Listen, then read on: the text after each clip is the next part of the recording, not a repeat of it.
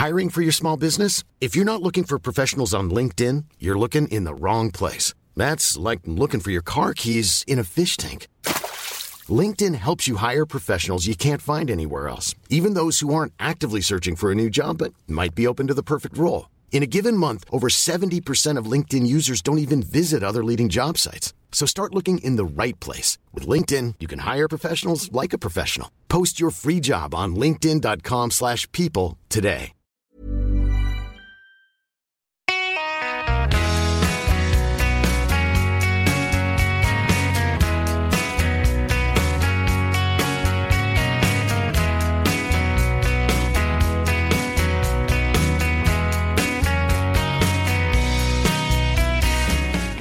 Ja, mina vänner, alla som gillar trav. Aldrig någonsin har någon varit lyckligare än jag är nu. Det här var ett klassiskt citat. Ja, av den gode Kjell P Dahlström när han var på sin bästa sida. Den är fantastiske man alltså, som gick bort alldeles för tidigt. Mm. Och Ina Det här Scott. var alltså Ina Scott. efter, precis, efter kriteriet 1992. Ja, Så, så myn- myntade han dessa ord som är lite, av, lite klassiska i travvärlden, eller i travsverige. det kan man absolut. Och jag tror nog vi kan enas om att Ina Scott är med respekt för alla fina kriterievinnare den största kriterievinnaren vi har haft. Du tar, ja, kanske, ja, det kanske är så faktiskt. Var, det hennes tio, var det hennes tionde raka seger något sånt där va? Mm. Det finns ju de som tror att hon börjar sin segerrad från scratch, men så var det inte riktigt. Det står på sina ställen att hon inledde karriären med 31 raka segrar. Men eh, det var faktiskt först i tolfte starten som den där segerraden inleddes. Som sen blev tre- Och 30, eh, 31 alltså. visst var hon segerlös till och med fram till dess? Ja, Var det så? Ja, jag kommer inte ihåg det där riktigt, men det är ju fullt möjligt. Ja, hon började i alla fall lite knackigt. Det kan man nog säga. Eh, sen, ja, fyraårssäsongen var ju... Eller treårssäsongen började då naturligtvis med kriteriet. Eh, och sen fortsatte hon ju...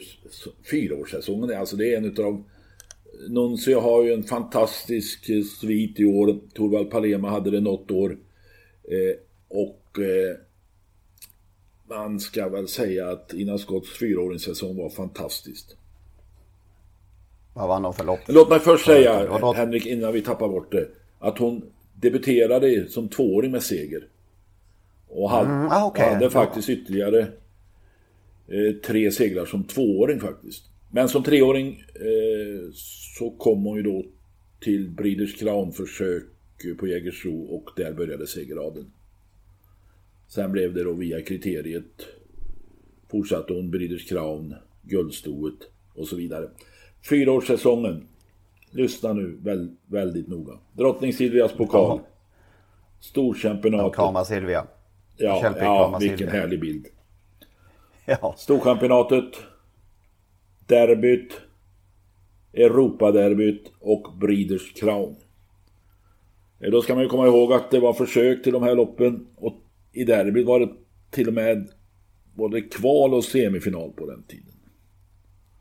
Ina Scott gjorde 17 starter som fyraåring och sprang in nästan 9 miljoner kronor. Varsågoda och skölj. Ja, det så kan man ju säga. Tack för kaffet. Ja, den, den, är, den är svårslagen. Ja, det är den faktiskt. Jag tror ingen, ingen någonsin kommer göra upp om det.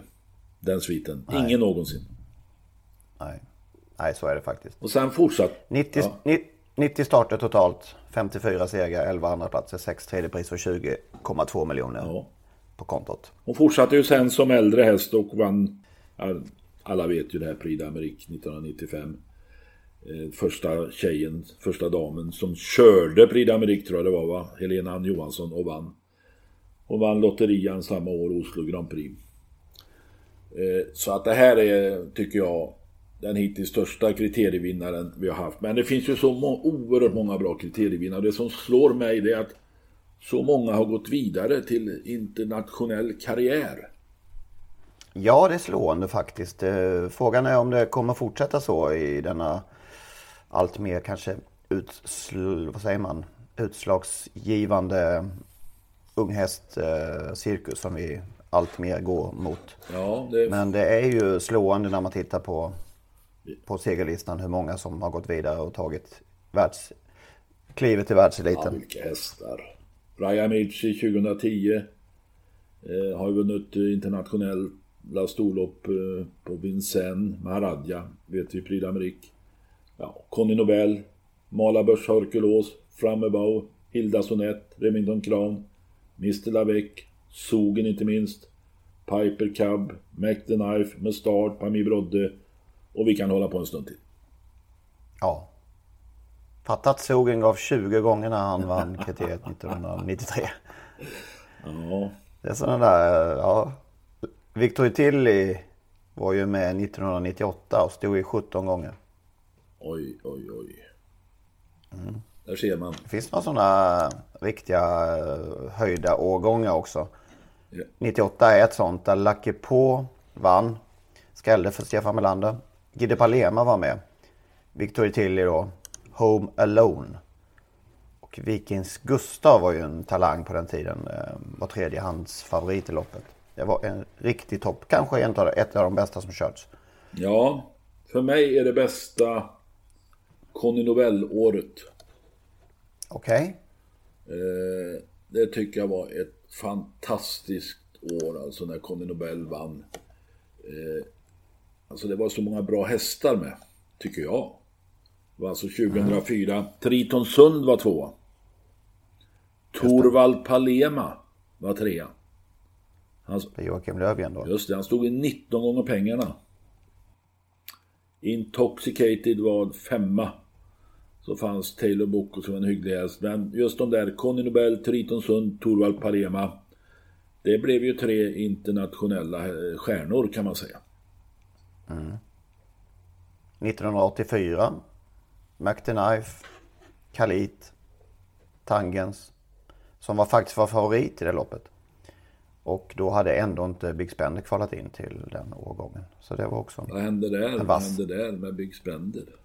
Ja, det kan man undra. Det har vi inte riktigt koll på. Nej. Det har jag ingen minne av faktiskt. Ja, lite skillnad mot 1997 kanske när Sampör vann före, håll i hatten, Lambro Håleryd och Lass Model. Ja. Är det några du minns? Ja, Sampör minns jag mycket väl eftersom det var en god vän till mig som ägde den, Börje Larsson. I... Jag tänkte de som var två och tre. Nej, Lambro Håleryd, Lass Model, nej inte så mycket. Lamberholm var en fux hos Lars Gustafsson, det minns jag faktiskt. Men, men det eh, ing, gjorde inget större väsen av sig varken förr eller senare. Nej. Så det finns bra och dåliga årgångar, det kan man säga. Ändå en son till Blitzy Sund som själv var en topphäst. Lambro. Lambro håller ut. Embry Gold Blitzy Sund. Okay. Vet du vem som var favorit i det här loppet? Jolly Rocket. Just det, 19 för 10. Mm. Ja, hur går det på söndag då? Ja, men du de här, alltså du, du pratade lite om, vi pratade om Ina Skott, du pratade lite om eh, vinnare som, ja vad hände sen då? Eh, Ina mm. Scott är ju efter Ellen Hanover, vilket också var Ellen Victory som ju vann något år va? Just det, 88 kanske? Kanske det. det och eh, eh. 1988 ja. Ja, vi har några vinnare som inte har gått eh, hela vägen. Om man säger så. Jag har, eh, vi har några som vi kanske in, som sagt inte har gått hela vägen. Rocka Kudo, vad hände där? Ja, ingenting. Va? Han sprang in 4 miljoner för två år sedan. I det ja, loppet ja. ja visst. Och har sedan dess tjänat 225 000 kronor. Mm. Markidu Pomå Ja. Gick inte heller någon, någon spikrak utveckling Han fick 1,6 miljoner och är väl uppe i 3 i och för sig. Men eh, nej, det är ju... Eh, alltså det är ju svårt för Karolomin. Var en mm. av vinnarna, slog Lillis Frisäng. Fick 947 000, tjänade 1,5 miljon. Men det är klart att alla kan ju inte gå vidare och bli världsstjärnor. Nej. Allen Victory. Ja, det är ju också fick en miljon för segern och tjänade totalt en miljon 214 000. Men samtidigt så räcker det faktiskt att vinna ett sånt lopp. Ja, Får man fyra miljoner så Det behöver man inte, man behöver inte ens tävla mer. Man kan gå det. i hagen och ja visst. parera brännässlorna.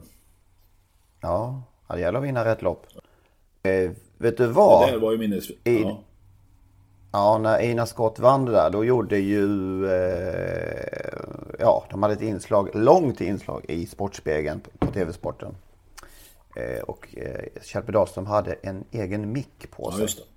Så att här ska vi faktiskt få lyssna på hur det lät upploppet ner. Kjelle, du vinner svenskt travkriterium! Ja! Du vinner! Ja! Vi satte dem! Var du tvåa? Var du tvåa? Var du tvåa? Vem var det han sa det till nu då? Det var Torbjörn Jansson tror jag med Lady Snack. Nej, det är snett. Var det Eh, som tvåa? vände sig Var det tvåa? Var du tvåa? Ja, men han var, han var ju... Alltså, Lätt. vi saknar Kjell P. Vi sa- saknar en sån typ som Kjell P. Ingen tvekan. Ja, ja visst. Minne... Ola Samuelsson var, var trea med Zero Crown och Stefan Hultman körde fyran. Pra- körde fyran. Pride Hammering.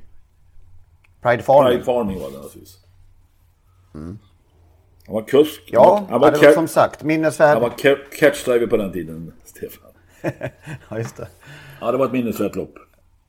Det var det. Vad har vi mer för några Ja, sådana upplagor som du ja, minns? 1978. Äkti Bowlers, Ja. Sören Nordin. Dagen innan hade Sörens ögonsten och stjärna Wyatt Tepper hastigt gått bort i ett kolikanfall. Det var naturligtvis ett hårt slag för Sören och hans hustru Astrid som ägde hästen. Och ett hårt slag för hela Travsverige, ingen tvekan om det. Det, det här blev ju en känslosam seger med Active Bowler. Så Sören gick ju upploppet ner tillbaka tillsammans med sin häst och skötaren Hans-Erik Hacke Olander. Och publiken hyllade inte bara Sören och Active Bowler och Hacke för vinst utan de hyllade också Wire. Henrik, det var första gången som ett vinnande ekipage i svensk travkriterium vandrade triumfens väg ner mot stallbacken. Okej, Sen blev det tradition. okej. 79, var ett Sören ut, igen. utslag av, av Förlåt? Nej, det visste jag inte att det var ett utfall av det. Jo, så var det. Den händelsen. 1979 så var det ett ordkrig innan loppet mellan Sören Nordin och Karl-Erik Kacke Nilsson. Pami Brodde var så länge kullens eh, kung, var favorit i kriteriet. Men Sören hävdade att hans Mustard var bättre och att eh, tipparna hade fel. Det där är Mustards lopp. Och det där, vi såg ju fram emot en duell naturligtvis. Och hur började det? Det var våldstart faktiskt, om jag minns rätt. Kacke Nilsson körde galopp från start. Och den långsamme Mustard hamnade bättre till då. Loppet var avgjort trodde Sören, trodde vi alla. Men eh, Kacke smög med i rygg på Mustard under slutvarvet och spidade till seger. Till Sörens oerhört stora förtret. Ja, det, det låter det som, som, det blev, Ja. som det blev uppbyggt där. Ja, och sen, men sen tog ju Mustard över som kullens kung. Han vann ju derbyt till 1.35. Året efter när Pami Bro- Brodde var femma spelade till 23 gånger. Man kan väl också säga att Mustard var den sista stora stjärnan som Sören Nordin tog fram under sin makalöst framgångsrika karriär i Sverige. Hästen vann ju sen Premie Europa. Han vann Hugo Åbergs Memorial mot alla odds eh, över, över Ja, kort distans. För, Olle Goop. för Ja. Grov surprise från Dinslaken och Graf Kalman och så vidare. Han sprang in 2,8 miljoner. Pami Brodde 1,7. Pami Brodde var faktiskt trea i VM 1981 efter topphästarna från Frankrike, Ideal de Gasol, Chorky. Mm. Apropå Nordin 1982 då. X-Hammering etta. Solohagen tvåa. Johnny Starr trea. Alla tre tränas av Ulf Nordin. Det är en, Oj, en fin svit. Ja. Ulf körde X-Hammering. Jim Frick körde Solohagen och Torbjörn Jansson Johnny Starr. Lite mer Ulf Nordin. 80 Det här var 82. 82 ja. sa vi. Två. Det var för det första, jag minns att jag, det var liksom det först, mitt första år när jag började snudda vid det. Jag minns att jag lyssnade på det här loppet på sp- Radiosporten. Mm. King. Ser, det var på Radiosporten på den tiden. Ja visst. Två år innan hade Ulf Nordin också vunnit då med Mikado C. Och vet du vem som ägde den?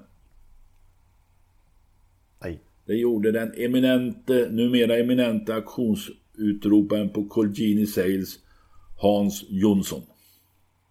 Det är där hans Twitter, eh, vad säger jag, presentation kommer alltså. Ja. Pappa, pappa. Människa och tv eller vad säger han? Det, det Det är han oerhört stolt över Mikado C som också sen vann något internationellt storlopp i Italien tror jag. Ja, just det. Mm. Fin häst. 85 då. Björn Linders segergest. Ja, men nu snor du mina här. Förlåt. Varsågod. Var inte du uppe i tre nu? Och minst. Ja, precis. Nej, men personligen då hade jag som sagt börjat fatta mer och mer av det här och eh, kommit in i sporten på, på alla tänkbara sätt. Och eh, fatt, började inse också vem Björn Skäcken Linde var. Och så får han till det med det här lilla stoet. Eh, jag kommer inte ihåg riktigt vilka han städade av till slut men det var ju fantastiskt eh, att se hans segergest. Med båda, släppte tömmarna med båda händerna i en sån här riktig mål, eh, fotbollsmålsgest. Eh, ja, det var, dessutom var han faktiskt, eller var personliga uppfödd i mina hem, hemtrakter på den tiden i Asarum strax utanför Karlshamn hos Otten Persson. Just Så det var det. lite lokal, prä, lite lokal prägel på det också. Ja, men sen är det Ina Skott såklart. Det går inte att komma ifrån henne. Jag tog henne ändå här. Och sen From Above, min favorit. Som eh, ju hade, ja, eh, hårt att säga att han kanske hade såsat fram till- kriteriet. Men då i den starten fick han helt stängt på sig för första gången. Och eh, visade en startsnabbhet som han aldrig gjort tidigare. Och pang till ledningen och överlägsen. Han- Före Gigant Neo. Så det var också en väldigt fin upplaga. Hade han jänkarvagn då alltså? jag säga. Nej. Nej, nej, nej, nej. Framme Bausson sen gick vidare och vann eh, derbyt och Elitloppet. Ja. Nej, det är min... Oh, jag gillar framåt. Gigant Neo tvåa. Det räckte att vara två... I derbyt ja, också. Ja, det räckte att vara tvåa i kriteriet för att senare vinna Prix d'Amérique. Men då var han ju också tvåa i mål. Ja, precis. Efter en viss Jacques de Belouis. Ja, det var långt svep om kriteriet. Men vem, vem vinner på söndag då? Ja, det är det som är frågan. Du, du hade ju någon vinnare för Mm. några veckor sedan, men den är ju inte ens med i finalen. Eh, Global Trustworthy nej. blir ju stor favorit, eller favorit i alla fall om jag har förstått det rätt. Mm. Eh, Den imponerade ju, ja imponerade, han gjorde sitt jobb. Den som imponerade mest på mig i försöket var Garrett Bocco. Som Mm. nu, alltså uppfödningsloppsvinnaren som haft det lite motigt men som nu blommade, inte ut kan man inte säga. Men eh, visade sitt rätta jag igen och jag tror det var barfota första gången senast. Just det. Ja, det är väl, ja, det är väl Global Trustworthy mot många. Jag tycker många kan vinna. Vet du vad? Nej. Om man tar bort eh, Ridley Express eh, från förra året som sprang 12 och 8 i finalen och 13 blankt i kvalet. Så är Damos Racing den snabbaste eh, genom alla tider i kriteriesammanhang. Alltså tredje snabbast om, om, man, om man räknar med Ridley Express. Ja, där ser man. Men ja, det är lite, lite i skymundan. 13, på sina 13 och 4 i kvalet. Ja, det, ja. Gjorde ju och, dessutom- med det, och fick- med det vill jag ha sagt, Ja, jag ville bara mest vill nämna det. flika in det. Jag ville nämna det. Eh, Vi glömmer gärna bort Stona när vi pratar om krit- Alltså Oaks hamnar ju lite i skymundan. Ja, det gör ju det faktiskt. Ja, det vilka här hästar, vilka hästar. D1 som har vunnit alltså. Fascination, Vincent, Tamla Celeber, Annika, Sissel Godiva, Gian Diablo, Pine Dust, Sim Capi, ja, vi kan hålla på en stund. Emma G. Sun och 1982 vann Pixie. Och då kan vi eh, konstatera att då kördes inte Oaks och kriteriet på samma dag. För Pixie, Pixie var ju storfavorit i sitt kriterium 1982. Precis. Och, Den gick på sommaren då. Och gick på sommaren gissar jag. Och, eh, ja. och eh, hon var ju jättefavorit och skulle ju bara vinna. Men klappade ihop fullständigt och sen kom hon egentligen aldrig tillbaka. Just det. Det var Remi Nilssons första reklamjobb på ATG. Eh, som marknadschef. Han hade tagit fram eh, Det är jag som är Pixie hade han eh, annonserat ut över hela Sverige. Och eh, så gjorde de bara den starten efter det. Så det blev inte jättelyckat.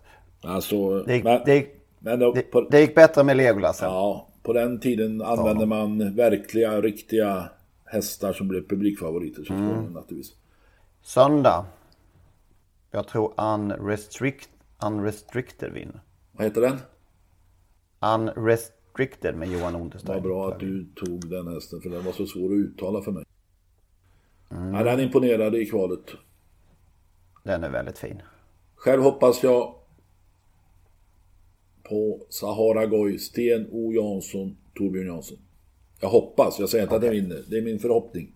Nej. Sen har jag ju... Ett... Jag hoppas på Darling Miraz och Stefan Persson. Ja, det är också. Sen har jag ett litet gott öga till Julia Pellini eftersom jag var delägare i mamman där, Jullan, den läckra Jullan. Som dock inte kvalade in till Ox. Nej. Så nu vet du det. Eh, ja. Emma Gissan är min favoritvinnare genom alla tider och jag gillar den fuxan. Oh. Hon var eh, fantastiskt fin. Det var under mitt första år som stammis på Solvalla. Eh, så att eh, jag hade verkligen fattat tycke för den där hästen. Vilket år var detta nu då? 1993 jag flyttade. Jag flyttade upp Stockholm nyårshelgen 92-93 där. Och eh, som sagt, jag, det var mitt första år som Solvalla stammis. Och då växte denna Emma G. Fram som en e favorit hos mig. Efter Speedy Fly. Pixie. Pixie mamma. Och Pixie, ja. precis. Och jag tror att det var så ja. Pixie var svår att få dräktig så det blev någon utegång där eh, ihop med Speedy Fly om jag minns rätt. Vad ska vi ramla in på då? Ska vi eh, ta våra fantastiska hästar som vi just nu har i vår världselit, Nuncio och Delicious, som båda har varit ute och rört på sig under veckan som vi har spelat, eh, sen vi spelade in senast. Ja, rört på sig är ju rätt eh, benämning för det var ju rena joggingturer om jag sett rätt. För, bo, för båda. Ja. Delicious i ett snabblopp i Eskilstuna. Ja. Och Nuncio i ett snabblopp, snabbjobb på Bjerke. Ett snabblopp i Oslo. ja, precis. Ja, det blev en joggingtur det får vi säga. Ja. Men det, vilket vad är det för facit han har nu i år? Ja, det är väl, han är väl är han obesegrad efter de här, dop, efter de här dopinghistorierna. Ja. Då har han alltså vunnit Elitloppet, Oslo Grand Prix, Jubileumspokalen, Sundsvall Open Trot, Mastersfinalen. Har jag glömt något? Ja, jag vet inte. Jag tror inte det va? Nej, han har makalös facit. Ja, det är ena, ena skott eh, nivå på det. Och nu har han alltså på 51 starter, 35 segrar, 14 andra platser, 2 tredjeplatser. Han har alltså inte, fortfarande inte varit utan, utanför de tre och så, mål i något lopp. Och så var han som tvååring, treåring, bara tvåa i Jimmy Takters stall. Ja, men det slog mig här igår att eh, det fanns ju faktiskt en viss Father Patrick som eh, under treåringssäsongen och tvååringssäsongen då stod lite i vägen för Nuncio kanske. Det, han var ju, Father Patrick var ju den uttalade ettan i både stallet och i kullen i USA. Och kanske han fick lite gratis eh, samtidigt som Nuncio då fick bereda vägen lite någon gång kanske. Så kanske han hade haft ännu bättre statistik om inte, om inte det förhållandet hade funnits. Ja, det är lite fascinerande att tänka på tycker jag. Och eh, ja, och Delicious som sagt, som hon såg ut i eh, Eskilstuna. Det var ju, ja. Och hon startade på lördag i V75. Mm. Vet du vad? Nej. Jag tror att det kan, om nu Örjan vill och allt är som det ska, så kan det gå undan som Sören på lördag. Ja, men han kommer att hålla sig i. Fem, det ska bli 15 grader, sol, svag vind. Det är spår 1. Ett, en häst som du spekar spikrakt uppåt i form på. Ja, vill de så kan det bli riktigt åka av. Vi får väl se. Ska du dit? Ja, det ska vara för hennes skull i så fall. Men eh, jag tänkte på det, har vi haft två sådana här, eh, det kanske vi har, det kanske man, man glömmer såklart, men två sådana här superstars på en och samma gång. Ja, men alltså man kan säga, jag tror aldrig vi har haft två hästar som vi nu på allvar, på allvar tror kan göra upp, vara med och göra upp om segern tillsammans med Bold Eagle i Prix d'Amérique. Om, om Nej, några precis. månader. Alltså svenskduon som utmanar den franska stjärnan. Ja, det har du helt rätt. För, för så, man har ju alltid, på något sätt när man börjar närma sig så, så kanske man krystar fram några förhoppningar och, och eh, vill liksom lite mer än, med hjärtat än hjärnan. Men här, här är det verkligen eh, två hästar som på allvar kan. Ja, nu krystar vi faktiskt inte. Nej, det gör vi verkligen inte. Det här blir en enkel eh, förlossning. Precis.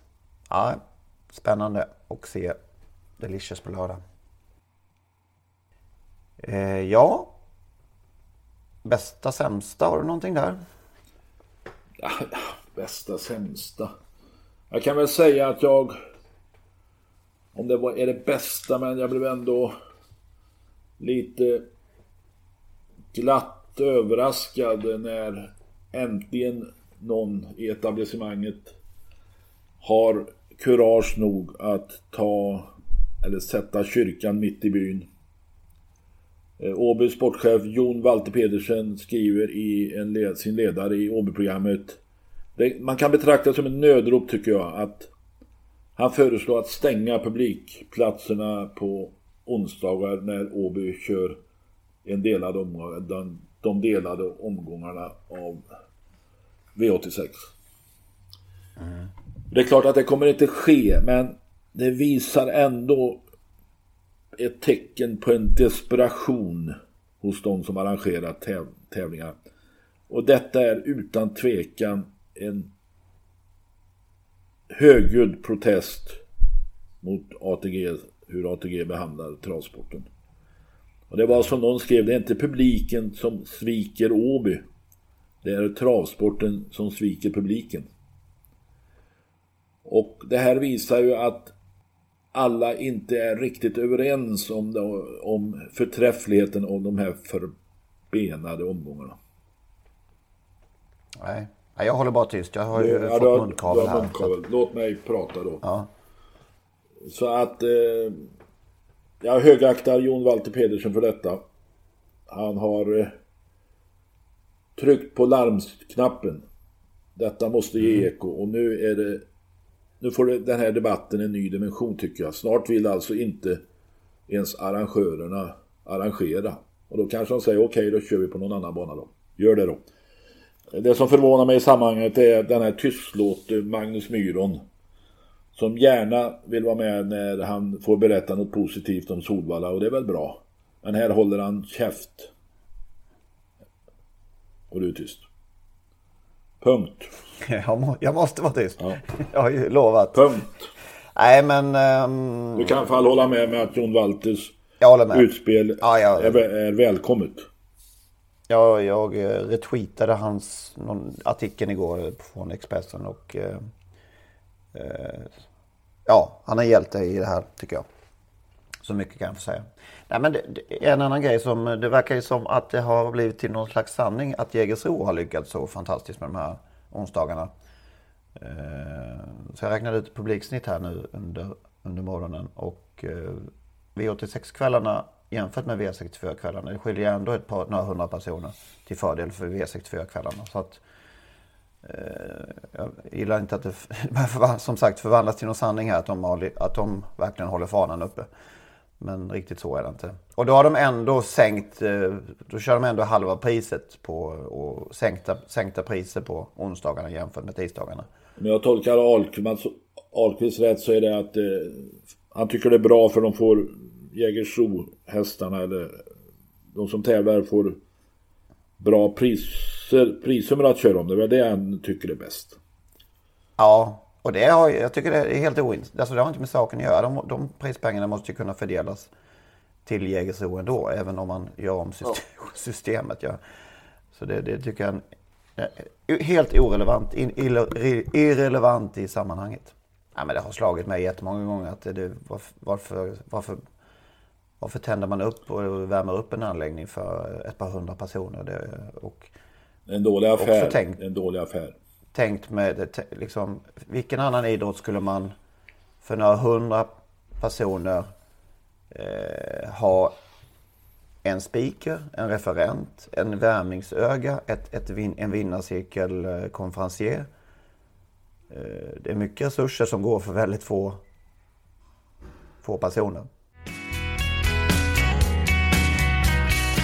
Sämsta då? Ja, den där eländiga enkäten som SD nu har skickat ut för att...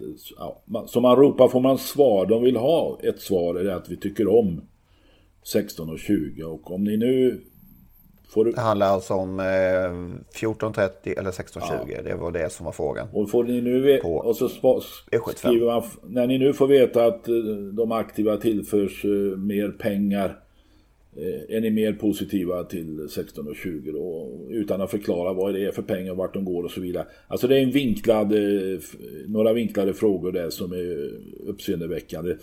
Och så säger då Johan Lindberg att eh, det här samarbetsföretaget som gör den här enkäten kostar säkert stora pengar.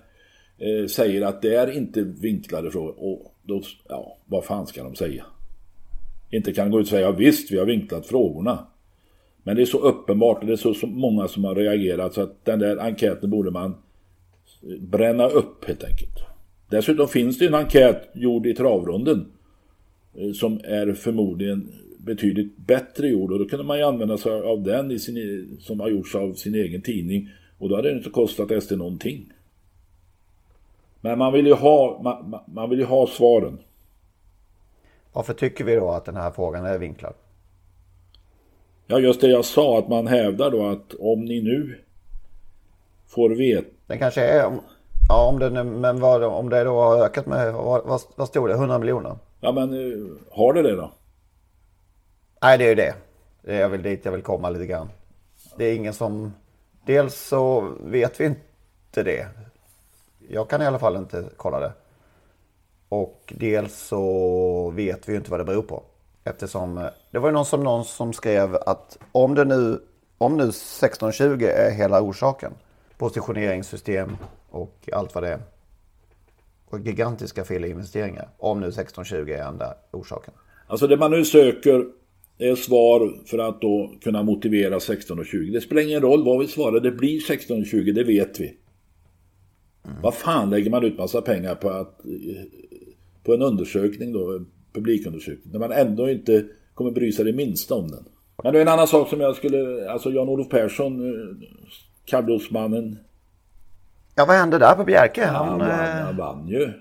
Ta Tandkraft är hans nya stjärna. Tandkraft är hans nya stjärna. Han hoppade bort sig i det svenska kriteriet. Nu vann han en övertygande seger i det norska. Samtidigt så hade han ju vunnit tidigare då med Ögla i mossen. Eh, Ox alltså. Eller, eh, kriteriestoet kanske det hette. För treåriga stona. Ögla i mossen som faktiskt ägs av Margareta Wallenius Kleberg. Mm.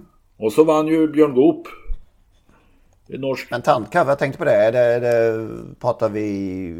Järvsö faktiskt. Liksom potential, ja. Ja, han är efter Järvsö faktiskt, det var det jag vill säga. Men, ja, eh, det, men, det, är en blivande stjärna ser det ut som. Och ett riktigt härligt kallblod att titta på. Enorm utstrålning. För Järvsö Fax var ju inte så tidig, alltså han var ju ingen stjärna i ung, ung ålder på det sättet som Tandkraft är. Nej. Men äh, ja, spännande att följa. Och så vann Björn Goop kriteriet, varmblodens kriterium med Chockens Superman. Just det. Mycket knappt var det mot eh, en eh, häst, Moni Viking efter Maharadja. Frode Hamre mm. som senare vann derbyt va. Och dessutom vann kallblodsderbyt som tränare. Så nu har alltså Frode Hamre blivit kallblodstränare också. Eh, det börjar bli dyrt för dem som inte följer podden. För herregud vad vi levererar vinnare på löpande band. Ja, jag träffade faktiskt en, en, handbollsspelare som inte ens visste vad travintresserad häromdagen och han sa att det var en jäkla fin vinnare du hade i lördags. Pave Fax hette han va? Alltså? Ja. Ja, inte. någon lyssnar. Ja. Så Top of the World till sex gånger och nu Pavefax till... Ja, han var inte favorit på V75 i alla fall. Nej. Så det var en bra spik. Det var en bra spik för dem som, för dem som var med på det. Ja. Ja. Jag tror vi har bra statistik. eh, Största allmänhet här. Men eh, vad har du nu hittat för pärla? Jag har hittat en jätteläcker pärla som inte blir favorit. I V75s tredje avdelning tror jag det är. Där Sidolf, OMS och Skelini Louise blir mest spelade.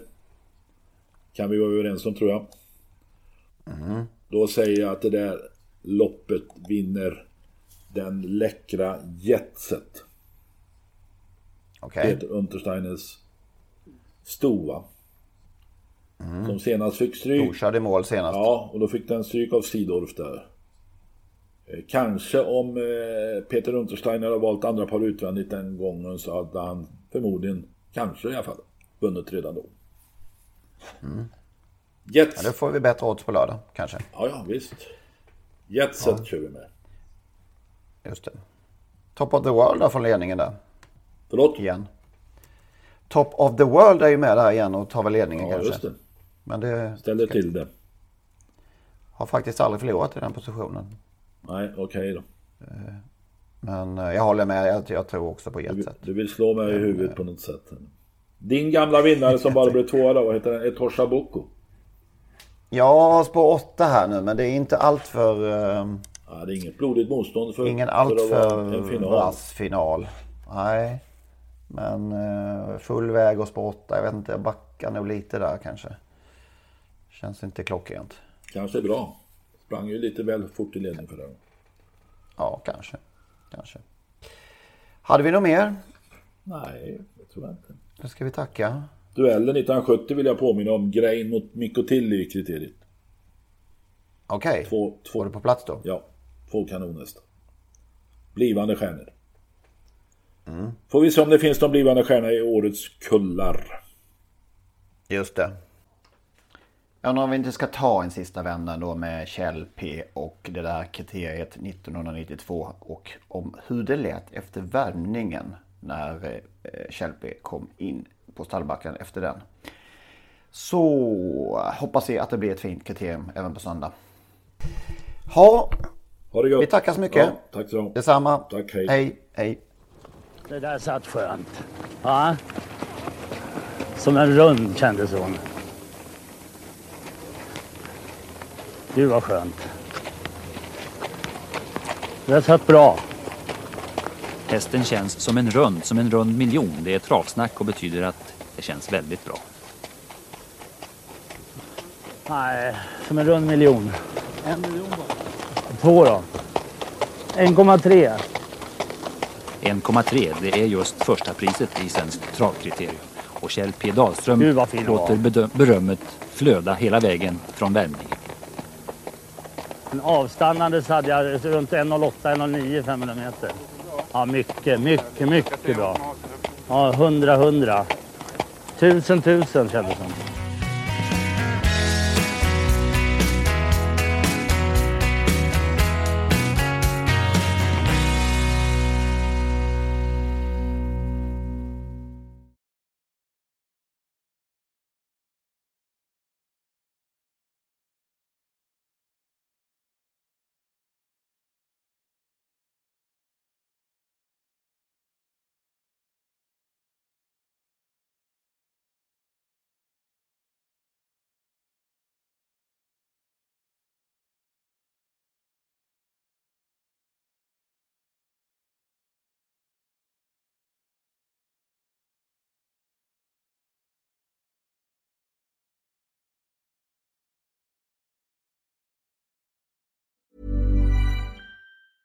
Mom deserves the best, and there's no better place to shop for Mother's Day than Whole Foods Market. They're your destination for unbeatable savings, from premium gifts to show-stopping flowers and irresistible desserts. Start by saving 33% with Prime on all body care and candles. Then get a 15-stem bunch of tulips for just $9.99 each with Prime. Round out Mom's menu with festive rosé, irresistible berry chantilly cake, and more special treats. Come celebrate Mother's Day at Whole Foods Market.